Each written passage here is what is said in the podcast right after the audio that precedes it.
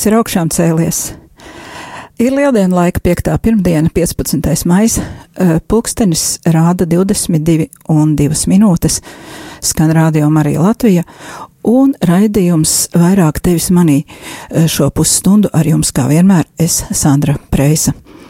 Šajā un nākamajā raidījumā mēs turpināsim apskatīt cilvēka atbildības, brieduma un mīlestības tēmu no cita, praktiskāka skatu punkta.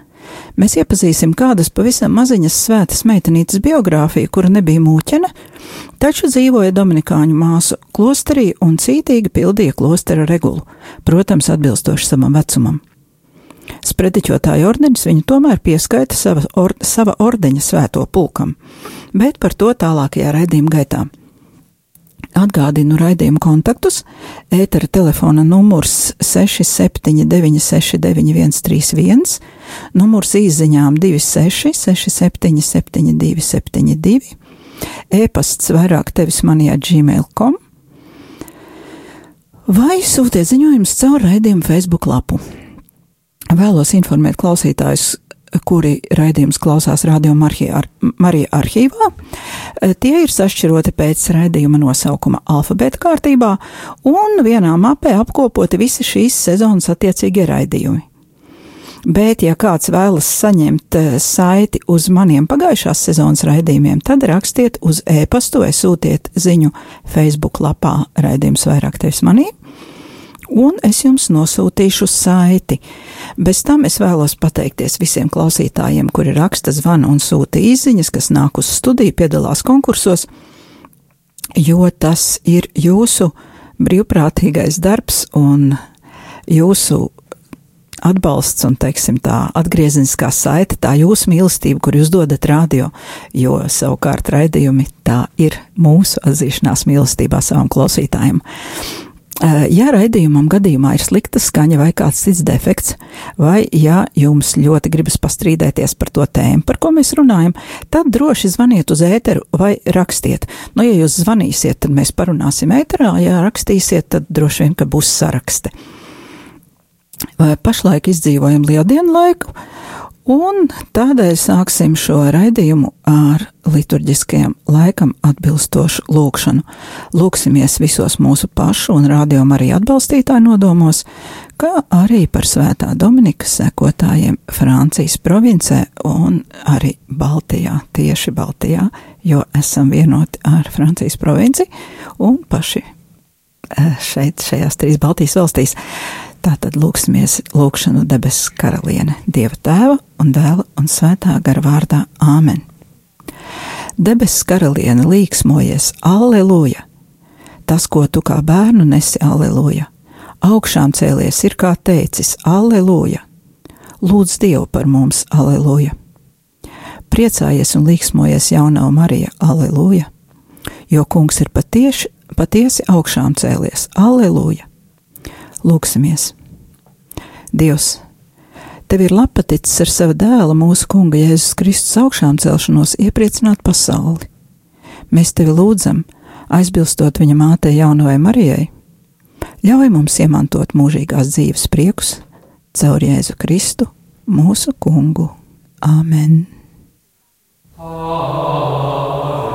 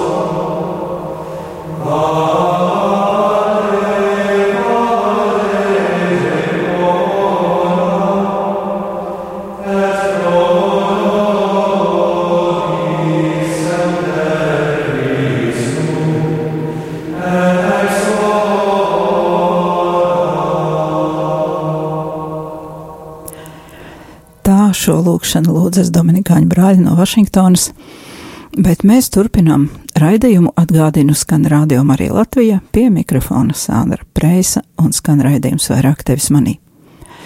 Kā zinām, labi vēl atceramies, sestdien bija 13. maija, un Fatimā tika nosvinēta liela svētki Dievmātes godam. Simts gadu kopš trīs bērni Fatimā, māsiņa un brālītis, sešgadīgā Žasinta un astoņgadīgais Francišku Martu, un viņu māsica, deviņgadīgā Lūsija Dušsantuša, sāka piedzīvot Dievmātes parādīšanās, kur, kuras baznīca ir atzinusi par autentiskām un tagad baznīcas svēto pulkam ir pievienojušies divi pavisam maziņi svētie, kuriem nāves brīdī bija tikai 10-11 gadu. Vairāk par Fatimas notikumiem jūs varat uzzināt, noklausoties 1. un 15. māja raidījumu Dukina Altum. Tas raidījumi, abi raidījumi atrodam arhīvā. Šo raidījumu vada divas profesoras teoloģija Baiba Brūdere un filozofa Mārka Jope, un tur ļoti saturīgi un skaidri uh, ir pastāstīts par Fatimas notikumiem un to nozīmi sakrā ar baznīcu. Tāpat arī pagājušā raidījumā jau ieteicu izlasīt grāmatu Māsas Lūcijas atmiņas. Tur ir ārkārtīgi skaisti aprakstīti visi šie notikumi no pašas dalībnieces puses. Tas pēc manām domām ir labākais materiāls par šo tēmu. Taču, kā jau es pieteicu raidījuma sākumā, Šodien turpināsim runāt par mīlestību no praktiskās puses caur konkrēta cilvēka dzīves stāstu, jo 13. maijā bija svētki vēl kādai mazai svētīgajai, kura nomira šajā dienā, gandrīz tikpat maziņa kā Fatimas bērni, arī 11 gadu vecumā. Tikai viņa nomira sešus gadsimtus ātrāk, 1333. gada 13. maijā. Bet šo stāstu es sākšu ar mazu atkāpi, jo stāsts, nu, kā lai saka, tie notikumi ir tik seni, kā, protams, materiāli, nu, nav materiāls ļoti daudz, un šie materiāli dažās vietās varbūt varētu būt arī viegli pārprotami mūsdienu cilvēkam, jo, kā jau mēs iepriekšējos raidījumos runājam, nu, tendence ir saprast mīlestību ļoti šauri. Mīlestība ir tendence saprast vairāk kā jūtas, nekā kā kaut ko varbūt plašāku un lielāku. Bet viduslaikos bija pilnīgi cita sabiedrība, cita sabiedrības struktūra, un cilvēki, ja pat viņi bija herētiķi, viņi nebija neticīgi, viņi bija visi ticīgi, un ļoti daudzi piedzīvoja ārkārtīgi tos personiskas attiecības ar Dievu, neatkarīgi no tā, vai viņi atradās klosterī vai viņi dzīvoja ģimenēs. Un tādēļ, eh, lai mēs nesaprastu šo imeldiņas stāstu, uh, pārāk tā sentimentāli sākšu ar mazu atkāpi. Eh, pirmais, ko es gribētu atgādināt, ka eh, pagājušās sezonas pašā pirmajā raidījumā es runāju par to, ka cilvēki sevi un arī citus cilvēkus un svarīgus notikumus piedzīvo caur stāstiem. Un katram cilvēkam ir savs dzīves stāsts, kurš savīs ar citu cilvēku, ar ģimenes, kopienas, baznīcas un citiem stāstiem, un tādēļ mūsu katra stāsts ir kā unikāls dzīpars skaistajā dzīves gobelēnā, kurā užpats Dievs. Un tādējādi mēs ar savu stāstu pilnībā nepiedaram paši sev, un esam atbildīgi arī par tiem, ar kuru stāstiem savijas mūsu stāsts. Un kā iepriekš esam minējuši vairāk kārt, ļoti pat daudzos raidījumos, cilvēks ir radīts no mīlestības un mīlestībai. Taču šo mīlestību mēs nevaram skaidrot vienīgi jūtu līmenī. Tā būtu jāsaprot daudz plašāk. Faktiski kā pastāvīgs dvēseles stāvoklis, kā spēja mīlēt, kur mēs varam iegūt vienīgi kā dieva, dieva mīlošās sirds dāvanu, jeb kā teologā, teologālo tikumu, eh, ja runājam baznīcas valodā. Un šī sakarā es vēlētos citēt eh, dažus, dažus tādus izrāvumus, var teikt, no Tomasa Mērtona grāmatas iekšējā pieredze. Tomas Mērtons ir 20. gadsimta mistiķis, domātājs, trapistu mūks, kurš ir sarakstījis ļoti daudz grāmatu par to, kā veidojas dvēseles attiecības ar Dievu, un šī grāmata ir tā kā viņa mūža kopsavilkums, un tā ir mazāk par mazāk tādas viņa kaut kādas atklāsmes, bet vairāk tāda analīze, kas ir un kas nav attiecības ar Dievu un kā cilvēki var tās pārprast. Un tādēļ, lai mēs labāk varētu saprast imeldes stāstu, ko mēs tālāk lasīsim, eh, tātad paklausīsimies, ko Tomas Smertons saka. Ja tu mēģini ar savām darbībām pastiprināt savas atziņas par Dievu precizitāti, vai pastiprināt mīlestības izjūtu, tu iejauksies Dieva darbā, un Viņš pārtrauks savas gaismas un žēlastības plūdumu uz tevi, atstājot tevi ar tevis paša nepareizi vadītās dabiskās aktivitātes augļiem. Tāpēc nesatrauc sevi ar liekām iekšējām darbībām. Izvairies no visa, kas varētu radīt nevajadzīgus sarežģījumus tavā dzīvēm veids pienākumus, kas tev ir paredzēti, ar nesautīgu mīlestību un lielā mērā, lielā mierā, lai parādītu savu vēlmi iepriecināt Dievu. Esi savas dvēseles klusumā un paliec tur nesarežģītā un vienkāršotā gaismā, ar kuru Dievs piepilda tevi.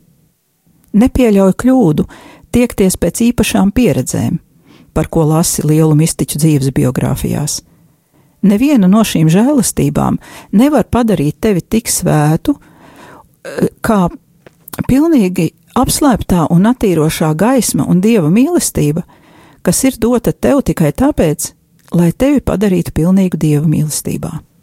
Svētā gara žēlastība un iedvesma nenāk kontemplatīvā dvēselē, kā spēcīga vēlme gūt kaut kādu personisku apmierinājumu vai sasniegumu kad kaut kas tāds mostas mūsos un nostājas pretī paklausībai, mūs tas vienmēr ir jāapšauba. Kontemplācijas žēlastība vienmēr ved pie pazemības, apslēptības un patukšuma ceļu. Svētumu un kontemplāciju var atrast tikai mīlestības tīrībā, un patiess kontemplatīvs cilvēks nav tas, kuram ir viseksaltētākās vīzijas par dievišķo būtību, bet gan tas, kurš ir visciešāk vienots ar Dievu ticībā un mīlestībā, un ļauj sevi absorbēt un pārveidot Dievā caur svēto garu. Šādai dvēselē itin viss kļūst par mīlestības avotu un iespēju. Citāta beigas. Lūk, caur šo prizmu es aicinu klausīties stāstu par kādu daļu un kontemplatīvu dvēseli, un šis stāsts sekos pēc mazas muzikālas pauzītes.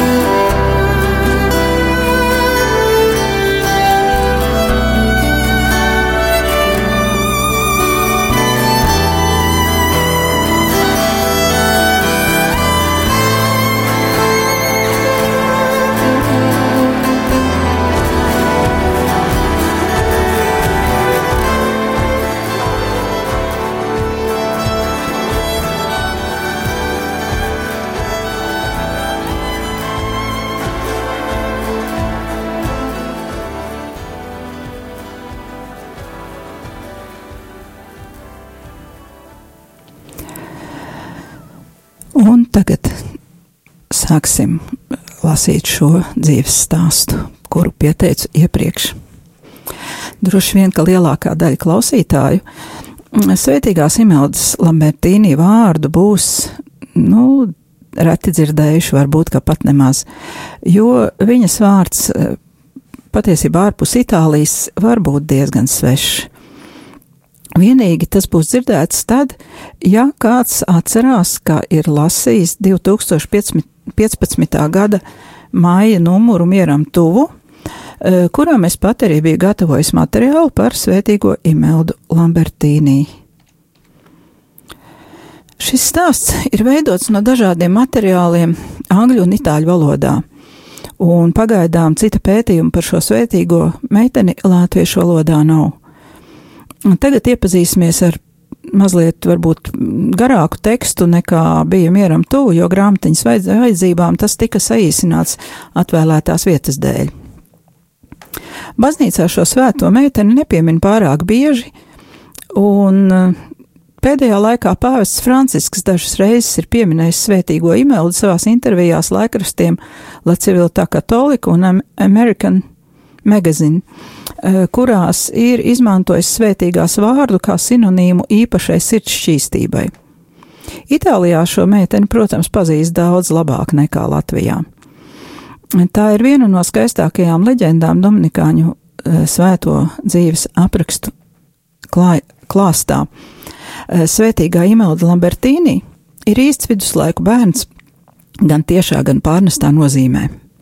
Viņa dzīvoja 14. gadsimta sākumā un nomira vēl būdama bērna gados. Mūsdienās sabiedrībā valda dažādi aizspriedumi gan attiecībā uz to, kāda bija dzīve viduslaikos, gan arī attiecībā uz to, kādam vajadzētu būt bērnam un ko vispār nozīmē būt bērnam. Bieži vien mūsu izpratnē vārds bērns tiek saprasts kā sinonīms vārdam muļķītis, un valda uzskats, ka bērns vismaz līdz 12 gadu vecumam vispār nespēja būt patstāvīgs, pieņemt lēmumus un rīkoties atbildīgi. Cilvēku briedums slieksnis mūsdienu izpratnē ir atvirzījies gandrīz līdz 30 gadu robežai. Svētīgās Imeldas dzīves stāsts mūs var iedrošināt paskatīties no citas skatu punkta uz to, ko bērns ir spējīgs paveikt jau agrīnā vecumā, un vai tiešām ir jāgaida līdz 30 gadu vecumam, lai sāktu pieņemt atbildīgus lēmumus. Svētīgā Imelda piedāvā brīnišķīgu materiālu pētījumam par bērnu svētumu. Gadiem ilgi pretkristīgā propaganda ir meistarīgi producējusi viedokli, ka viduslaiki ir bijuši tumši un neko nav devuši cilvēces attīstībai. Kristiešiem, īpaši katoļiem, ir mākslīgi radīta vainas apziņa par savu vēsturi, un ticīgajam cilvēkam instinktīvi gribās sarauties pavisam maziņam, izdzirdot vārdus viduslaiki, inkvizīcija vai krustakarš. Taču ir svarīgi, vai mēs koncentrējamies vienīgi uz negācijām, vai arī cenšamies redzēt šo vēsturisko laikmetu visā tā plašumā un attiecīgā laika vēsturiskajā kontekstā. Mūsdienu cilvēks lielā mērā ir zaudējis spēju loģiski spriest, pamatojoties uz konkrētiem vēsturiskiem faktiem. Spriedumi tiek izdarīti pavirši, uz maz ticamu avotu bāzes, piemēram, par kristietību cilvēki veido viedokli pēc Dena Brauna romāniem, un Bībeli nav pat rokās turējuši Tā tiek veidot mīti, kuri kolektīvajā atmiņā diemžēl aizvieto realitāti. Nevelti pāvests Francisks saka, ka dzīvojam vājas domāšanas laikmetā, un spāniski tas saucas pensamento debilu.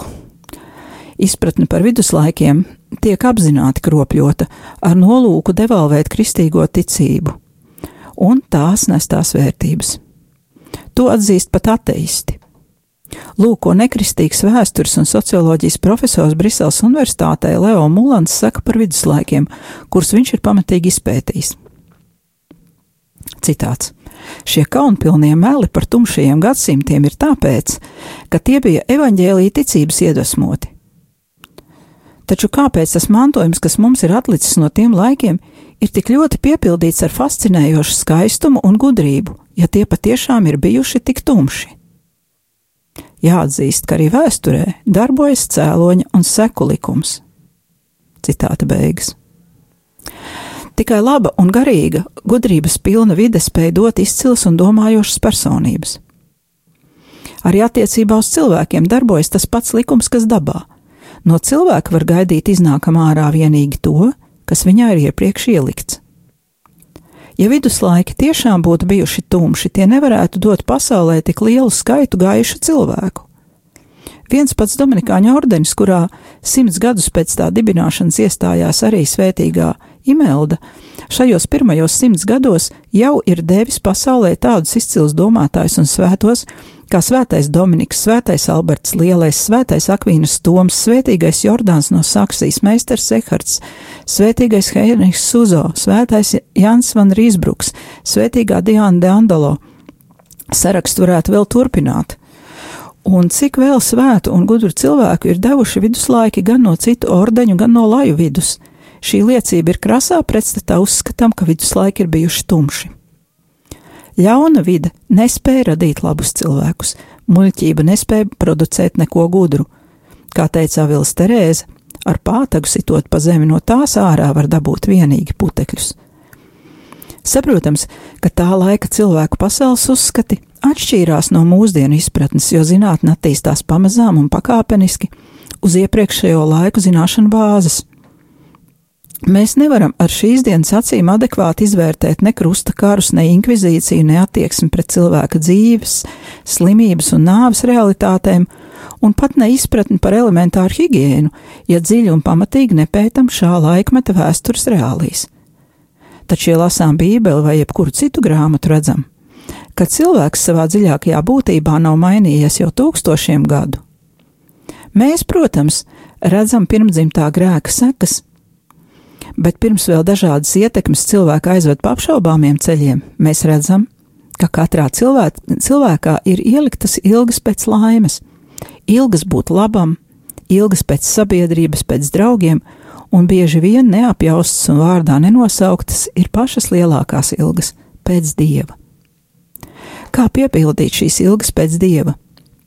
Tieši to mums var mācīt daudzie viduslaiku svētie un svētās, kuri šodien šķiet tikpat dzīvi kā toreiz savas dzīves laikā. Mums nav jādomā, ka svētums ir tikai pagātnes cilvēku privilēģija. Šie cilvēki, tāpat kā mēs, bija no miesas un asinīm, un katrs ar savu pirmdzimtā grēka un dažādu vājību bagāžu. Svarīgi ir tas, ko viņi ar visu to darīja, kādus mērķus viņi izvirzīja un kā sevi motivēja šos mērķus sasniegt. 1322. gadā Itālijā vienā no senākajām Boloņas augstmaņa dzimtām, piedzima meitiņa. Meitenīte kristībās saņēma vārdu Magdalēna.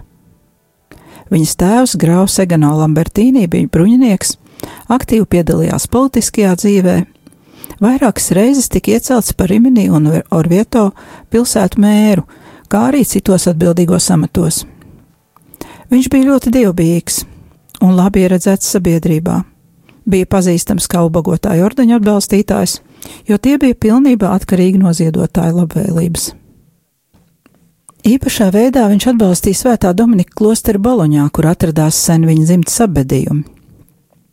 Egano bija atraitnis, un viņam bija 20 gadus vecs dēls Gvido, kad viņš salauzās otro reizi. Arī Magdalēnas māte Kastora Galuči bija sava vīra cienīga Viņa izcēlās ar savu dievbijību, augstiem tikumiem, labdarību un žēlsirdības darbiem, kā īpašu upuri izdzīvojot aicinājumu lūgties par dvēselēm šķīstītavā. Lai atvieglotu dvēseli ciešanas, viņa daudz ziedoja baznīcām un klosteriem. Starp viņu radiniekiem bija arī Dominikāņu priesteris, Franciskāņu māsu klosteru dibinātāja, un viena no Ibeldas tantēm dibināja stingras regulas klosteru Boloņā. Protams, kā jau katrā ģimenē, arī šajā ģimenē bija melnās aitas. Dažām Lambertīnijas sievietēm ļoti patika greznoties, un dažreiz šī greznība pārsniedz pilsētas kanānos noteiktās normas. Pilsētas tiesvedības dokumentos ir atrodamas liecības, ka šīm modes dāmām vairāk kārt ir piespriests naudas sots par pilsētas kanoniem neatbilstošu rotu un cepuru nēsāšanu. Savukārt pēc daudziem gadiem šis ievērojamās dzimtas ciltskoks deva baznīcai pāvestu Benediktu 14. Tas bija tas pats zars, no kura nāk arī svētīgā Imelda Lambertīnī. Nav zināms, cik gadu bija mazās Magdalēnas mātei, bet, kad meitene piedzima, tēvam jau bija pāri 40. Tradīcija vēsta, ka Magdalēna bija viņa pirmais bērns, un vairāk bērnu šajā laulībā būt nevarēja. Šīs ģimenes stāsts Līdzīgi kā Svētā Dominika vai Svētās Terēzes no Lizie gadījumā, uzskatām parāda, cik liela nozīme ir vecāku attieksmē pret bērnu, audzināšanai, izglītošanai un personiskiem piemēram. Protams, ka liela nozīme bija arī ģimenes materiāliem stāvoklim. Šajā laikā grāmatas tika rakstītas ar roku, un vienas grāmatas cena sasniedza nelielas muižas vērtību. Lambertīnī mājās grāmatas bija pieejamas. Tāpēc šajā laikā Tāpatās arī šajā laikā netika likti šķēršļi sieviešu izglītībai un sabiedriskajām aktivitātēm. Viss bija atkarīgs vienīgi no ģimenes mantiskā stāvokļa un interesēm. Un sieviešu diskriminācija dzimuma dēļ lēnām sākās tikai pēc 1500. gada. Vecāki centās iemācīt Magdalēnai mīlestību uz katolisko baznīcu un lūgšanu, īpaši uz svēto evaharistiju. Viņa savu mazo meitiņu bieži ņēma līdzi uz svēto misiju un vakaru lūkšanu kompletoriju tuvā, to, tuvējā Dominikāņu baznīcā. No pirmajiem dzīves gadiem viņai patika klausīties stāstus par svētajiem un uzklausīt vecāku izteiktās reliģiska rakstura pamācības. Magdalēnai veidojās bērnu vecumam atbilstoša un tomēr dziļa un nobriedusi lūkšana dzīve. Meitenīte nomaļā vietā dārzā bija izveidojusi sev mazu oratoriju, lūkšanu vietu, kur viņa recitēja psalmus un citas lūkšanas. Lai ko viņa arī darītu, viņa centās savus nodomus uzticēt bērnam Jēzum, lai viņš valdītu pār visām viņas domām. Kā Jēzus Marijas dēls tagad lūgtos? Kā Jēzus darītu šo darbu? Kā viņš izpildītu visu to, ko no viņa vēlējās vecāki? Viņa svētā māte Marija un dārgais svētais Jāzeps? Tie bija jautājumi, kur aizņēma visas meitenes domas, un viņa centās atdarināt Jēzu visā, ko viņa darīja. Tā viņa pieauga gudrībā un žēlstībā pie dieva un cilvēkiem. Savas piektās dzimšanas dienas priekšvakarā viņa jautāja saviem dievbijīgiem vecākiem, kad viņa drīkstēs saņemt svēto komuniju. Viņa jau bija mīlestības uz Kristu pārņemta, bet vēl daudz par jaunu. Šajā laikā bērni drīkstēja pieņemt pirmo komuniju ne agrāk par 12 gadu vecumu. Ar dziļu izpratni par to, ko nozīmē svētā komunija, viņa it kā skaļi domājot, izteica jautājumu: Pasakiet man, vai tas ir iespējams pieņemt Jēzu savā sirdī un nenomirt? Burtojot psalmus, Magdalēna ļoti ātri iemācījās lasīt. Tāpat māte viņai iemācīja arī šūšanu un dažādas rokdarbus, un arī kā gatavot ēst. Šīs prasmes māte kopā ar meitiņu pielietoja, lai gatavotu dāvanas nabagiem un slimniekiem, kurus bieži apmeklēja, un māte apzināti centās ieaudzināt mazajā Magdalēnā tieksmes žēlsirdības darbiem. Dažreiz cilvēks sarunājoties ar meitenīti uzsāk ar viņu sarunas par viņas skaisto apģērbu, par viņas piemīlību vai ģimenes bagātību. Mazo Magdalēnu šīs tēmas neinteresēja. Jo vienkāršāk viņa bija ģērbta, jo labāk tas viņai patika.